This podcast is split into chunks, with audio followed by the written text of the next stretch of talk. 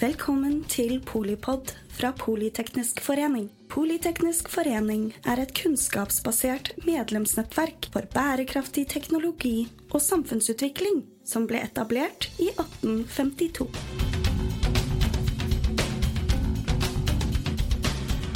Hei og velkommen til Polipod. I denne episoden hører du opptak fra FFIs klima- og sikkerhetskonferanse 2023. Hele konferansen kan du se på ffi.no. Visste du at eh, Forsvarets forskningsinstitutt også har en egen spennende podkast?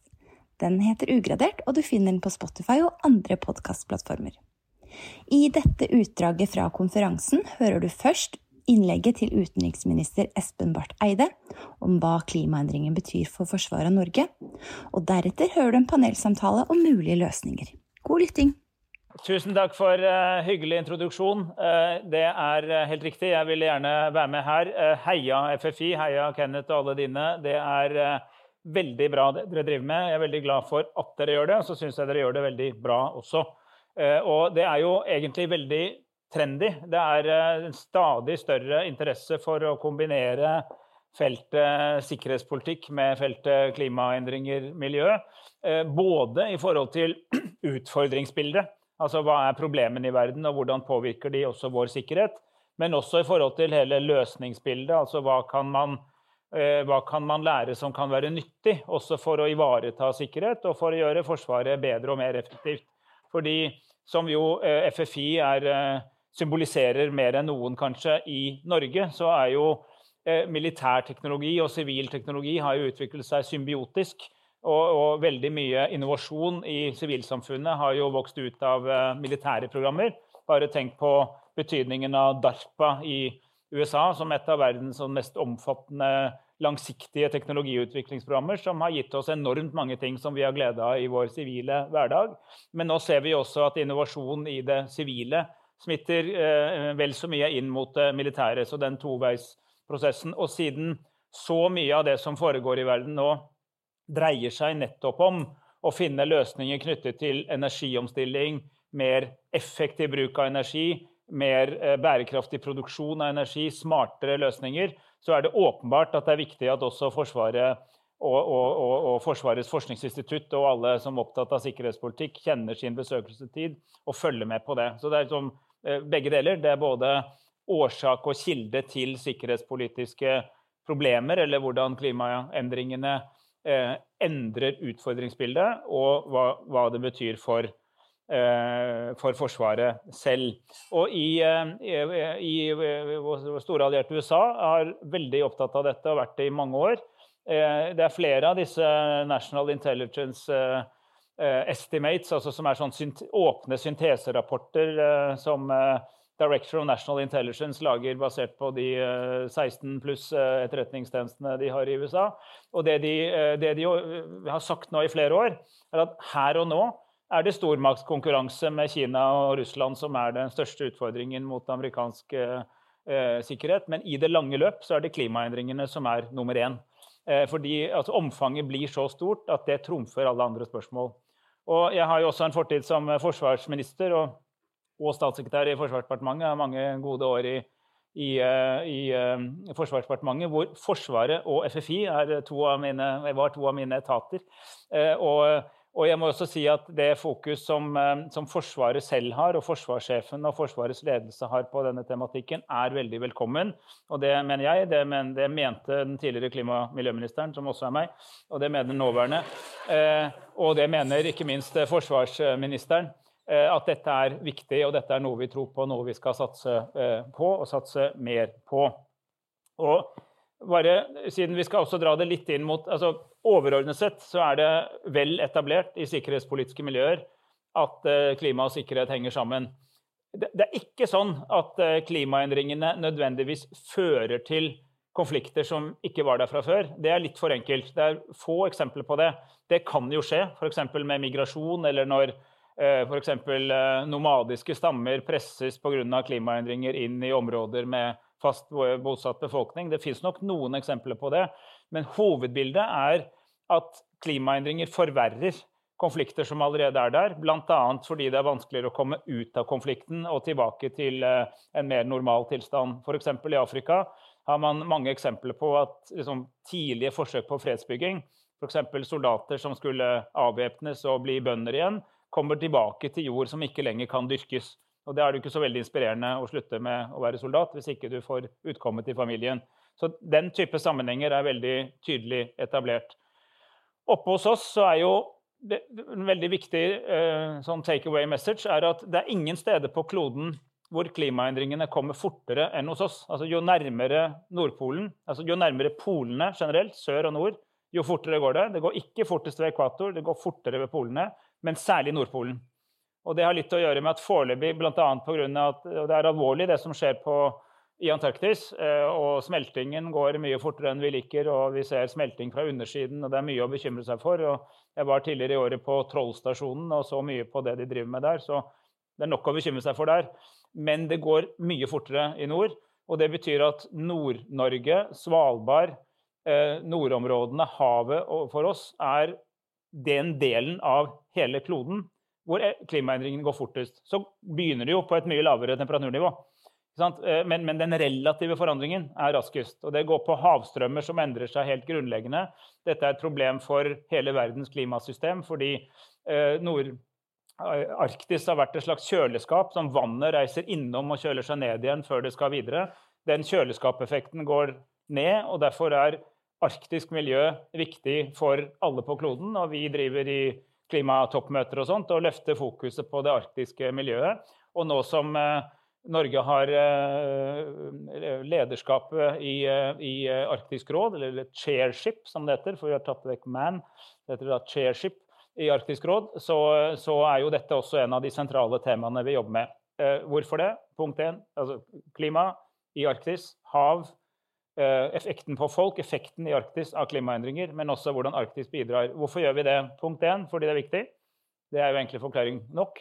Men punkt to fordi det er en tematikk det fortsatt går an å samarbeide om. Det er en god del temaer det er vanskelig å drive fram i Arktisk råd akkurat nå, gitt de geopolitiske spenningene. Men her er det områder hvor det som fortsatt gir mening å tenke eh, klokt rundt. Husk på at halve Arktis er nord for Russland, eh, fordi Russland er så stort. Og Nord-Russland liksom, går jo da fra, fra eh, Murmansk eh, over til øst i Sibir. Så halvparten av Arktis er nord for Russland. Russland påvirkes veldig av dette. Permafrost-tining, som vi jo ser hos oss på Svalbard, skjer i hele det russiske nord. Det betyr at infrastruktur som er lagt rett på permafrosten, det er jernbaner, veier, byer, knekker opp bokstavelig talt, må fraflyttes. Transport blir stadig vanskeligere. Eh, mens isen smelter, så transport til sjøs blir lettere. slik at du tvinger på en måte mer av destinasjonstransporten i Russland ut på, ut på sjøen. Dette er viktig å følge med på oss. Vi var jo veldig opptatt av nordlige sjørute, altså Nordøstpassasjen. Den er jo da stadig mer tilgjengelig Eh, fysisk, fordi isen hindrer transport i stadig færre måneder i året. Men politisk har det jo blitt annerledes enn vi trodde for eh, en del år siden. Fordi forholdet til Russland er veldig annerledes. Men dette betyr noe. Russland, du var innom det, bastionforsvaret. Eh, det betyr jo større manøvreringsrom for maritime krefter i, lenger mot nord. Men det betyr også at det er mindre is å gjemme seg under for eh, undervannsbåter som besitter Russlands annenslagsevne. Og, og, veldig mye av Russlands strategiske militære kapasitet er jo nå nær oss. Det er jo ikke pga. Norge i og for seg, men, men det er pga. Russland og Vesten. Så også av den grunn er det viktig å følge med på klimaendringenes påvirkning av russisk tenkning eh, oppe i, i, nord, og også selvfølgelig for oss. Det er også en rekke spørsmål som treffer Forsvaret eh, direkte i nord. Eh, du var innom det. Altså med, med, med altså, eh, Nord-Norge har jo vært et stridsvognsvennlig, eller mekaniserte styrker-vennlig klima. Fordi du har hatt liksom lang vinter hvor det er fast og fin, veldig fint å kjøre. Og hvor det første kommer fram. Eh, for snø er jo ikke noe stort problem. Og for øvrig har begrenset skadevirkning på bakken. Fordi frossen mark blir jo ikke spesielt skadet av av 55 eh, tonn stål, men hvor du får altså lengre deler av året. Lengre vår, lengre høst, mindre vinter. og våtere somre, som gjør at en mye større del av året blir mindre fremkommelig. Det, hvis noen lurer på hvor de har det fra, det, altså, det opplever man jo, forventer man å oppleve mer i nord, men det skjer jo allerede i Ukraina.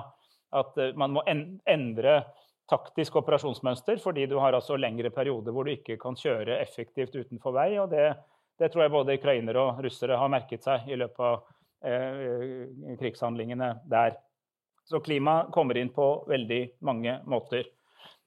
Og så har vi jo et kjempesentralt spørsmål som Bare hent kaffekoppen min, så klarer jeg å snakke. Et kjempesentralt spørsmål som, eh, som du, Kenneth, var innom, og det er eh, det er altså energiomstillingen. Det er jo noe som nå går stadig fortere. Det går jo ikke fort nok.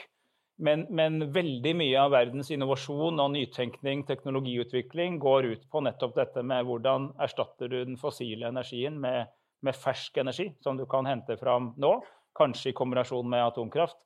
Eh, og, og, hvordan bruker du den på nye områder. Det er både at du må få tak i den og bruke den. Et av de virkelig store dilemmaene som eh, jeg vet fra min forrige jobb at miljøbevegelsen sliter veldig med å liksom få hodet rundt. Det er jo nettopp konflikten mellom fossil og areal. Fordi at Siden den fossile energien er gammel biomasse som ble til gjennom hundrevis av millioner av år, så henter jo vi den ut gjennom et hull i bakken eller under Nordsjøen. Da. Så det tar lite areal. Det er lite arealkrevende å hente fram fossil energi. Men når du brenner den, så ødelegger du kloden gjennom, eh, gjennom CO2 og metanutslipp. Eh, og, derfor får du en oppvarming du ikke kan leve med. Skal du erstatte den med eh, Selv om du skal erstatte den bare delvis med fornybar, så krever det veldig mye areal, og det er da i konflikt med naturmålsetningene eh, våre. Det er da noen som tenker at den problemstillingen vil vi bare trylle bort, for vi liker den ikke. Men det er en veldig reell problemstilling. Og jo fortere man vil ha energiomstillingen til å gå, Eh, jo mer trenger du gruvedrift for å hente ut nye mineraler. For i det lange løp kan de resirkuleres, men vi har altfor lite ute på markedet. Det er ikke vært elbiler nok, eller vindmøller nok, eller solceller nok ennå til at du har nok eh, råstoff å resirkulere om igjen. Så du har en veldig tydelig skifte fra eh, en fossiløkonomi med de geopolitiske relasjoner det skaper, altså f.eks. stor makt til land som sitter på store oljeressurser, f.eks. Russland eller Saudi-Arabia, til en verden hvor det er andre typer ressurser som er viktig. Kunnskap, teknologi, men også ressurser. Det flytter makt big time. Og når man flytter makt, så vil noen vinne og noen tape. Og det er et sikkerhetspolitisk forhold som man må ta inn over seg og forholde seg til. Og noe av det kan vi merke nær oss, fordi våre havområder kan jo sitte på mye av de ressursene som da trengs, i tillegg til våre nordområder på land. Fenno-Skandinavia altså Sverige, Norge, Finland, sitter på veldig mye av de sjeldne jordartene som er i Europa. Og det er en rekke av de eh, utrydningstruede råstoffene du snakket om, Kenneth, som du enten finner i Russland, Kina eller et eller annet sted som Kina kontrollerer i Afrika, eller i Norden. Det er en ganske svær ting å ta inn over seg. Det er ikke Belgia, liksom. Det er hos oss veldig mye av dette her. Svær utfordring for oss. Og, og, og, og når Fatih Birol, som er sjef for IA, en fantastisk dyktig leder for eh, International, International, Energy Agency. Han var her i går, og han sier jo at det er fullt mulig eh, med en mye raskere omstilling bort fra fossil, men det krever altså masse areal og masse gruvedrift for å få ut disse ressursene. Så det blir jo ikke konfliktfritt. Eh, det blir liksom ikke en, eh, en fredelig verden automatisk av den omstillingen. Men med det så kommer altså masse innovasjon som er bra for Forsvaret. Eh, med bruk av simulator, fordi simulatorer har blitt så bra, sparer masse energi, sparer penger. Eh, jeg har jo, eh, Kristin som sitter her, var jo finansminister da vi bestemte oss for å kjøpe F-35, som eh, dere nå opererer fra Ørland. Veldig godt valg, syns jeg. Er jo ikke spesielt bærekraftig i drift. Bruker jo litt bensin. Men jo mer du kan lære opp pilotene dine på simulator som gir deg nesten like god opplevelse, og kanskje hvor du kan til og med trene på ting du helst ikke vil trene på med et relativt dyrt fly, eh, jo mer sparer du jo. ikke sant? Og dette er jo konkrete ting som, som er en del av den innovasjonen eh, vi, eh, vi, ser skje. Men også f.eks. For Forsvaret, og det er noe vet forsvarssjefen snakker mye om, sensorer som du vil gjerne plassere litt rundt for ulike typer formål. Du slipper nå å gå rundt og bytte batteri, for du kan ha lokal mini, altså mikroenergiproduksjon, et lite solcellepanel og sånn, og evigvarende systemer. Så det er veldig mye spennende som skjer der ute, som det da forskes på. Så jeg tror at vi har, sant, vi har geopolitiske endringer som fører til geoøkonomiske endringer, altså endringer i globale økonomiske forhold. Og så tror jeg etter hvert vi skal finne opp et nytt ord som vi kan kalle geoøkologi. Hvordan, altså denne, hvordan selve økologien, klima, naturendringene også har konsekvenser inn mot både geoøkonomien og geopolitikken. Og det vil også treffe oss eh, i eh, nord. Et siste poeng når det gjelder nord spesielt. Eh, da vi i Stoltenberg II-regjeringen så løftet vi jo dette med nordområdene som eh, Norges viktigste strategiske satsingsområde i årene som kommer. Eh, en veldig god setning, syns jeg.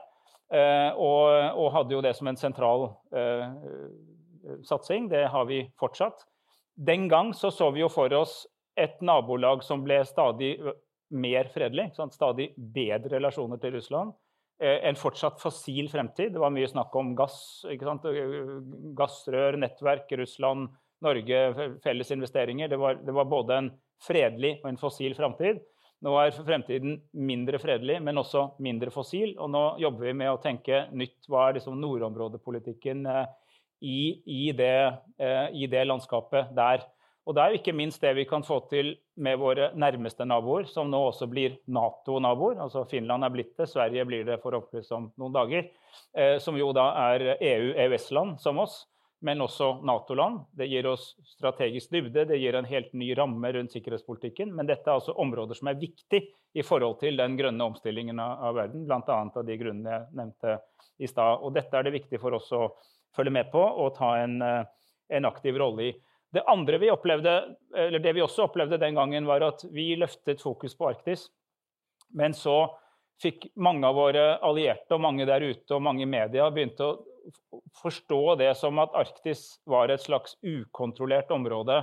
Eh, litt sånn up for grabs. At uh, her, nå, nå, åpner isen blir borte, nå er det man drar og forsyner seg. At det var et slags Sør-Kina-havet. Det er feil. Og det er veldig viktig å understreke at det er grunnleggende feil. I Arktis er et hav Riktignok ligger det is på en del av det havet, men det er et hav. og Derfor så gjelder havretten, eh, UNCLOS, FNs havrettskommisjon, og det er alle statene i Arktis enige om. Inkludert den ene staten som ikke har ratifisert havrettskommisjonen, nemlig USA, har eksplisitt uttalt at de mener at havrettskommisjonens regler gjelder. Det er veldig få uavklarte områder i Arktis, og de, grad, de involverer i liten grad Russland. Dette er det grunn til å tro at Russland også tenker. Eh, hvorfor det? Eh, ikke fordi de er greie mot oss, men fordi de vet at andre makter vil interessere seg for å ta til rette i Arktis i deres disfavør. Så her har vi faktisk en fellesinteresse, at det er et legalt rom som avklarer dette. Det var jo innenfor det legale rommet at vi f.eks. fikk til delelinjeavtalen med Russland i en periode hvor ting var eh, så, så lysere ut. Så det er ikke slik at dette er et slags Klondyke som det nå skal med enormt mye ressurser i ukontrollert område. Det er regler for dette, og derfor er det viktig å ta vare på det vi kan av de arktiske institusjonene, nettopp når dette området blir viktigere, mer spennende, mer interessant og mer utfordrende pga. klimaendringene. Så Det var da noen innspill fra meg til en veldig viktig tematikk. Og igjen veldig glad for at eh, dere igjen lager denne konferansen, og eh, heia det dere driver med. Så, ja. Så skal vi invitere opp igjen eh, Brynjar og Robert, og så skal vi ha to deltakere til som jeg da skal behørig introdusere når vi bare får, får uh, satt dette frem sånn, og så setter vi den frem slik. Og så tar vi godt imot viseadmiral Elisabeth Nattvik og major Unnskyld, absolutt, nå gjorde jeg feilen helt dramatisk. Oberst Martin Tesli, som er luftvingsjef ved 132 luftving på Ørland. Eh, sånn. Veldig bra. Hvis vi går ett hakk bortover til eh, Willy der nå, admiral, så, eh, så har vi panelet plassert. Og dette var Dette er riktig. Elisabeth Nattvig, viseadmiral. Du er avtroppende sjef for Forsvarsstaben. Altså er det jo ikke bare da general Odlo som hadde bursdag i går. Det hadde du også. Gratulerer med gårsdagen. Du eh, er altså avtroppende eh, sjef du skal Du har vært veldig frampå når det gjelder klima og miljø i, i, i Forsvaret. Og du har sagt at uh, Forsvaret må ta ansvar, og du har tatt grep selv. Og du fikk laget uh, en uh, klimarapport på den forrige store øvelsen og osv. Hvorfor er dette så viktig?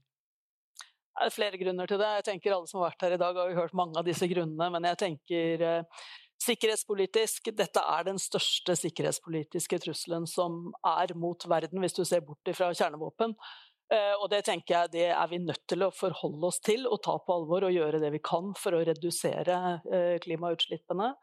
Eh, det er en annen ting som vi har også vært inne på, det er dette at hvis vi nå blir hengende bak, og jeg mener vi henger litt bak, selv om mange mener at vi ligger langt foran, så, så når jeg hører på Sverige, så ble jeg ordentlig stolt av min søta-bror her. Men, eh, men, eh, det er klart at hvis vi henger igjen og er de eneste som bruker fossilt drivstoff, så er det åpenbart at det er veldig risikofullt i forhold til forsyningskildene våre, og at vi ikke kommer til å overleve på den måten i en, i en krigssituasjon.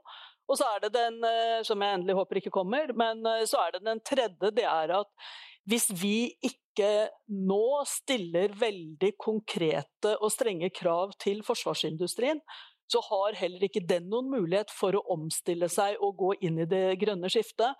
Og da, hvis ikke vi gjør det, og de andre europeiske landene gjør det, så har vi faktisk ikke noe forsvarsindustri i Europa. Det er også svært viktig for forsyningssikkerheten vår. Så det er veldig mange grunner til eh, at dette bør vi ta på det høyeste alvor. Eh, og jeg tror noen ganger at vi kommer til å være nødt til å gå på bekostning av operativ evne.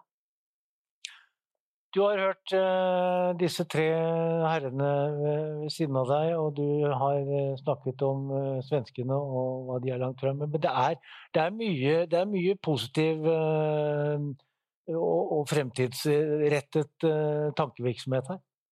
Veldig mye, og derfor tenker jeg det er viktig å bli utfordret på dette. her, At vi blir utfordret av fagmiljøene som kan dette. Her er det jo mange mennesker som virkelig kan dette, det kan overhodet ikke jeg. Men det som f.eks.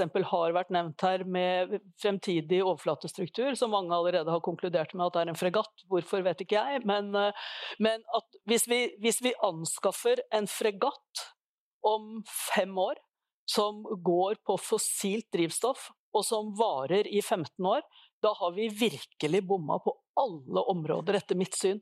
Så det er liksom på en måte å snu hodet sitt her og tenke å bruke det som finnes av kunnskap, og utfordre oss litt, for det var jo du som også var inne på det der med gjenbrukbarhet og sirkulærøkonomi. Vi lagde fregatter som vi fikk den siste i 2010. I 2020 begynte vi å snakke om å skifte den ut. Det er ikke god, eh, bærekraftig. Så jeg tenker her må vi endre oss alvorlig. Oberst Tesli, eh, altså dere på Ørland, dere er, eh, dere er litt eh, godt framme i skoa. Fortell hva dere holder på med. Altså, vi har jobbet i litt over et år med et bærekraftsprosjekt som egentlig ser på å kalle snu skuta. Ørland er som en kampflybase. Det er der vi skal være og slåss ifra. Men vi er en miljøversting i dag. Og hvis vi ikke tar grep, så kommer vi til å være en miljøversting og jeg er helt enig med det som admiral Natvik sier, at uh, vi, vi, nå har vi en mulighet.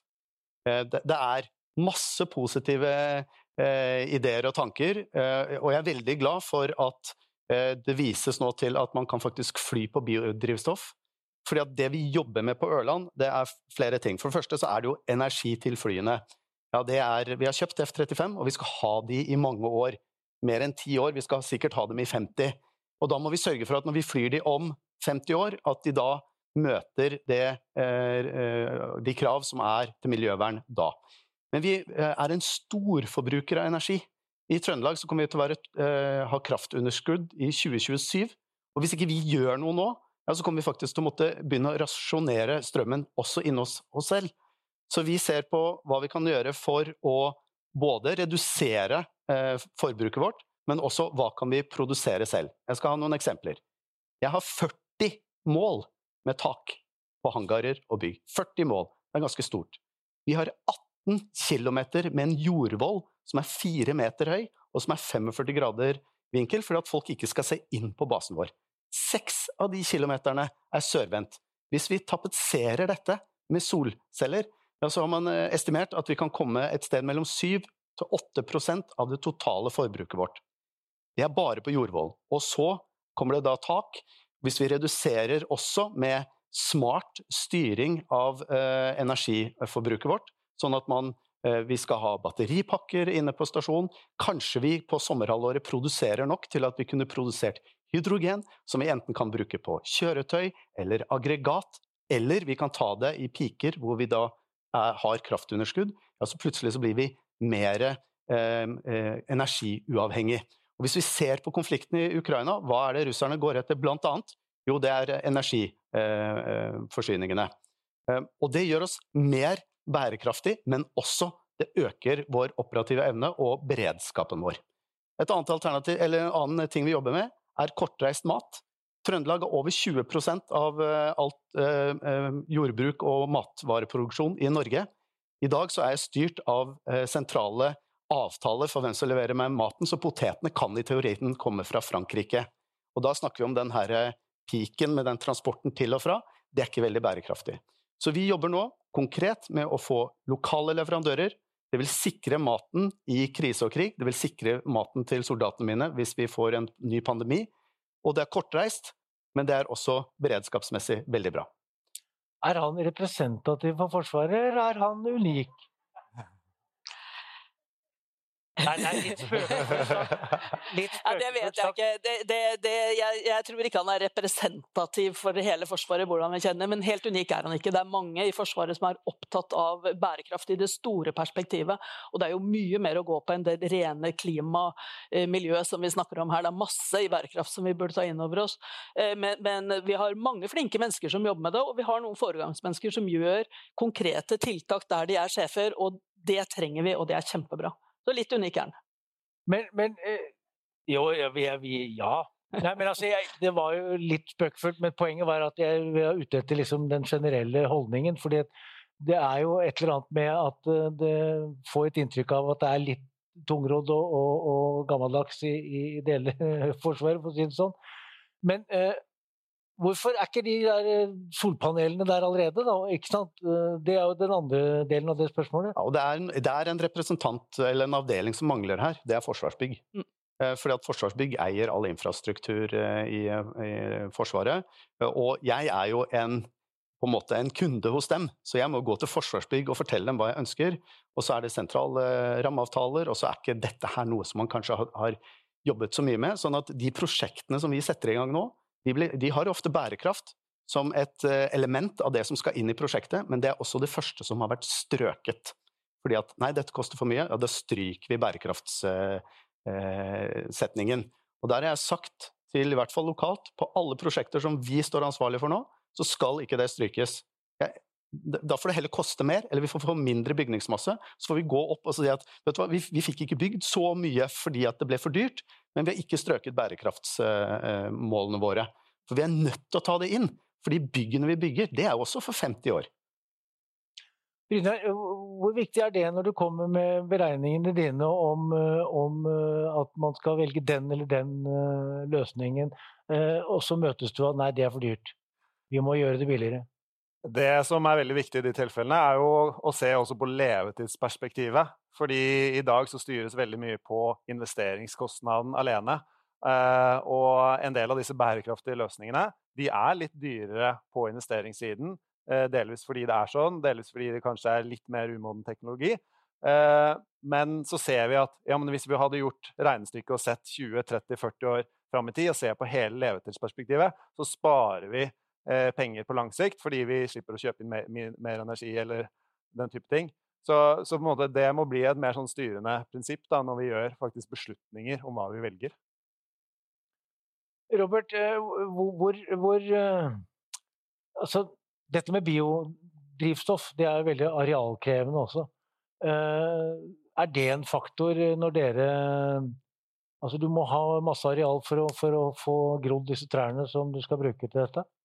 Så er det, og jeg tror man må våge å satse på mange ulike teknikker og man må våge teste. Og det vi har lært oss i Bioet-prosjektet, even om det kanskje ikke blir den, det alternativet vi velger i slutenden, så har man lært seg hvordan det skal fungere og hvordan man kan gå til veie i den prosessen for å kvalifisere inn nye brensler eller anvende ny teknikk. Og jeg tror at med den oroliga omvärld vi har, den tillväxt vi har, budgetanslagen för försvarsmateriel ökar. Vi, vi måste börja se möjligheten att våga använda ny teknik, för det är nu vi har möjlighet med anslagen att faktiskt testa ny teknik. Så ta den chansen, eh, även om allting måste gå snabbt. Går vi på gamla hjulspår så kommer vi bygga in väldigt mycket risker och väldigt mycket mer klimatpåverkan och vi har nog inte råd med det. Vi måste testa nya koncept. Biodrivmedel kan vara en lösning, men det finns tusen andra tekniker og løsninger också som vi måste være villige att titta på. Hvordan er eh, dette i Norge med, med flyene, Tesla, når det gjelder uh, altså, å gå all in for, for bio? Ja, det er jo som Robert sier, altså, eh, nå er jo til og med F-35 har ifølge FMA og produsenten så kan det fly på 50% SAF, Sustainable Aviation Fuel. Men vi gjør det jo ikke. For det er jo ikke tilgjengelig. Det er jo ikke sånn at jeg kan gå ut og kjøpe Sustainable Aviation Fuel i store kvantum. Det er, det er fortsatt på teststadiet, og det er fortsatt sånn at det, det finnes jo ingen som produserer dette her. Hadde den leverandøren vært der, så er jeg ganske sikker på at vi hadde vært eh, langt foran i skoen og gått og, og bedt om å få det. Men, men, det er jo kanskje det som må på plass. Og som du sier, det, det, er nå vi har en mulighet til å få det på plass. Dere har gjort et fantastisk stykke arbeid i Sverige med, med å, å, teste dette ut. Eh, tilsvarende i USA. Eh, sånn at man, og nå den 28. så skal de fly på 100% eh, drivs, biodrivstoff over Atlanterhavet fra London til New York. Og det er også bare en testflyvning. Så vi trenger at industrien kommer, eller noen leverandører kan komme og, og tilby dette. Så vil vi også kunne fly på det.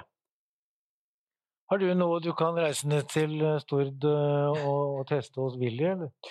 Eh, jeg har ikke noe personlig, for jeg, jeg, jeg, er gitt altså, det, Mine oppgaver er jo eh, F-35 og, og, og, luftvern på Ørland, men vi har jo andre flytyper også som vil kunne fly på denne type drivstoff, som P8 i nord. Men der jeg tror vi må komme ganske snart, det er at inn, altså, i Norge så må vi, når vi skal anskaffe også nye droner, UAV-er, så kan ikke vi heller kjøpe bare droner som er eh, hyllevare med, med fossilmotorer. Vi må si at nei, vet du hva, nå må vi faktisk ha motorer som kanskje går på hydrogen, selv om det er en lavere tetthet, så kanskje det er det de skal gå på, eller ammoniakk, eller noe annet. Mm. Sånn at når vi nå anskaffer nye ting, så kan vi ikke anskaffe med å se oss i speilet og se hva er det vi har hatt før. Vi må tenke fremover, og så da kan det hende at man må ned og teste disse motorene der nede. Og så vil jeg slå et slag for Rolls-Royce i Trondheim. For at disse flymotorene som nå er helelektriske, som man snakker om i verden, ja, de, de, er faktisk i Trondheim. Og jeg var så på dem her for to uker siden. Og det er bl.a. den eh, flymotoren som skulle gå på eh, Widerøe hadde et prosjekt som har stranda, men de bygger fortsatt flymotoren. Og det, det, selv om det er Rolls-Royce i England og i Tyskland, så, så er teknologien og kunnskapen den, den, er faktisk i Norge, i Trondheim. Og de jobber veldig eh, hardt med å få på plass eh, flymotorer som er elektriske, enten de da er rene elektriske eller de også går på hydrogen. Willy, eh, du sa det at du ville gjerne at Forsvaret kommer til deg og, og tester ting. Tror du det kan bli noe fræs på det nå? Ja, jeg må, må, bare si som en sånn som en sivil uh, klimateknolog, da, eh, så blir jeg nesten religiøs av å høre på disse her forsvarsfolkene. da. Eh, jeg, jeg, var på en måte Før i dag så var jeg ikke klar over at dette her lå så uh, solid befesta og er på en måte en del. Nå er jo dere i, i ledelsen selvfølgelig og må, må, må drive først, men jeg, jeg, blir, jeg blir veldig positivt overraska av å høre på hvor høyt klima står på agendaen, og denne koblingen mellom uh, eh, sikkerhetspolitikk og klimapolitikk og hvordan dette henger sammen. og altså en har jo ikke noe valg, vet du. sant? En må jo, eh, så da er det jo like godt å bare begynne. Eh, og det var vel ingen som tenkte at dette skiftet som vi må gjennom, skulle være billigere eh, enn å fortsette som før. Sånn at her må en jo gjøre ting. Og, vi er jo med, med tilgjengelig testinfrastruktur med, så det er, bare, det er bare å komme med greiene, så skal vi sette strøm på det med.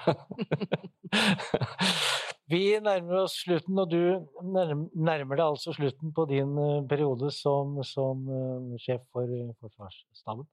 Jeg skal gjøre det samme som jeg gjorde til general Odlo. Jeg skal spørre deg om, om, om hva, hvilket budskap du har til, til de som skal overta og drive videre innenfor dette området?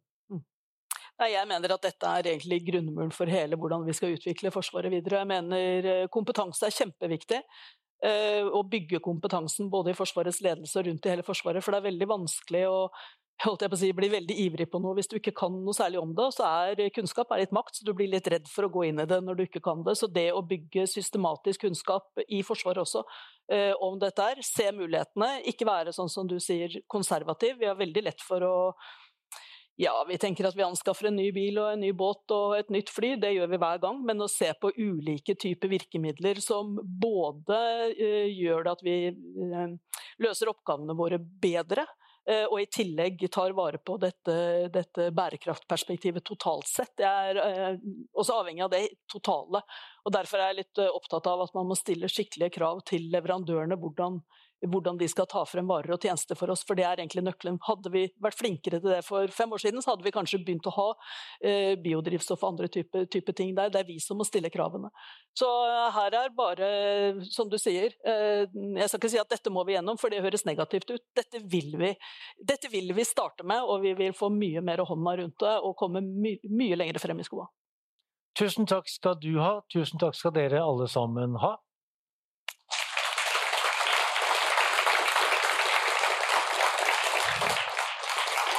Vi nærmer oss som sagt uh, slutten, og da skal jeg invitere opp igjen da sjefen for det hele. Uh, mannen som innledet denne sekvensen, uh, som heter Christian Lausund, og som da er en av arrangørene av denne konferansen. Ja, det må jo nevnes også at Bjørn Olav Knutsen, som er leder for FFI sin kompetansegruppe for sikkerhetspolitikk, har også vært med å arrangere, så han fortjener ros, han også. Uh, den, altså, hvis noen fortjener ros, så han også. Jeg syns det har vært ja, veldig fint. Da, da, gjør, da, tar vi en sånn fjernapplaus for, for, for, for, han og, og, deg også. Du, uh, hvis vi skal oppsummere, hva er det viktigste vi skal ta med oss fra denne lange dagen her? Det er vanskelig å velge ut hva som er det viktigste. Jeg syns det har vært veldig mye spennende og bra som er sagt. Uh, mye spennende i siste diskusjon her nå, uh, som sitter friskest i minnet. Uh, det er spennende å høre om hva dere driver med på Ørland, og de, de ambisjonene som vi får høre fra begge dere to. og så er jeg spent på å se hvordan uh, Forsvaret klarer å ta i bruk den teknologien framover. Uh, kanskje får man til noe samarbeid med Willy Vågen uh, osv. Den sikkerhetspolitikken som vi fikk innføring i på starten av dagen, er spennende for meg. Jeg er realviter, så for min del så er det nytt og spennende. Ja, og så var det, det ikke så verst, da, så ja. var det ikke så verst da at, at uh, utenriksministeren selveste altså, han, han, bare ikke var, han insisterte jo på at han skulle få være her. Ja, absolutt. Uh, det er jo så lenge siden han var her, så det hadde jeg nesten glemt. Men det, er, det er jeg helt enig i. Det var kjempegøy å høre både han og Kristin Halvorsen og Yngve Odlo som snakka. veldig mye spennende de har å si. Og alt sammen finnes i opptak, så jeg skal se det igjen eh, en annen dag og prøve å få med meg enda mer da. Eh, og det går an å spre videre hvis det er noen som ikke hadde mulighet til å være her, så går det an å se i opptak. Det er det de gjør, og hvis noen fortsatt ser dette live, så er det nå slutten. Og da kan dere spole tilbake, og så kan dere se, uh, se det om igjen siden. Og det er som Kristian sier, dette blir liggende på, på FFIs uh, hjemmesider. Jeg så faktisk eh, hele fjorårskonferansen i, i, dagene før vi skulle hit, for å friske opp eh, dette.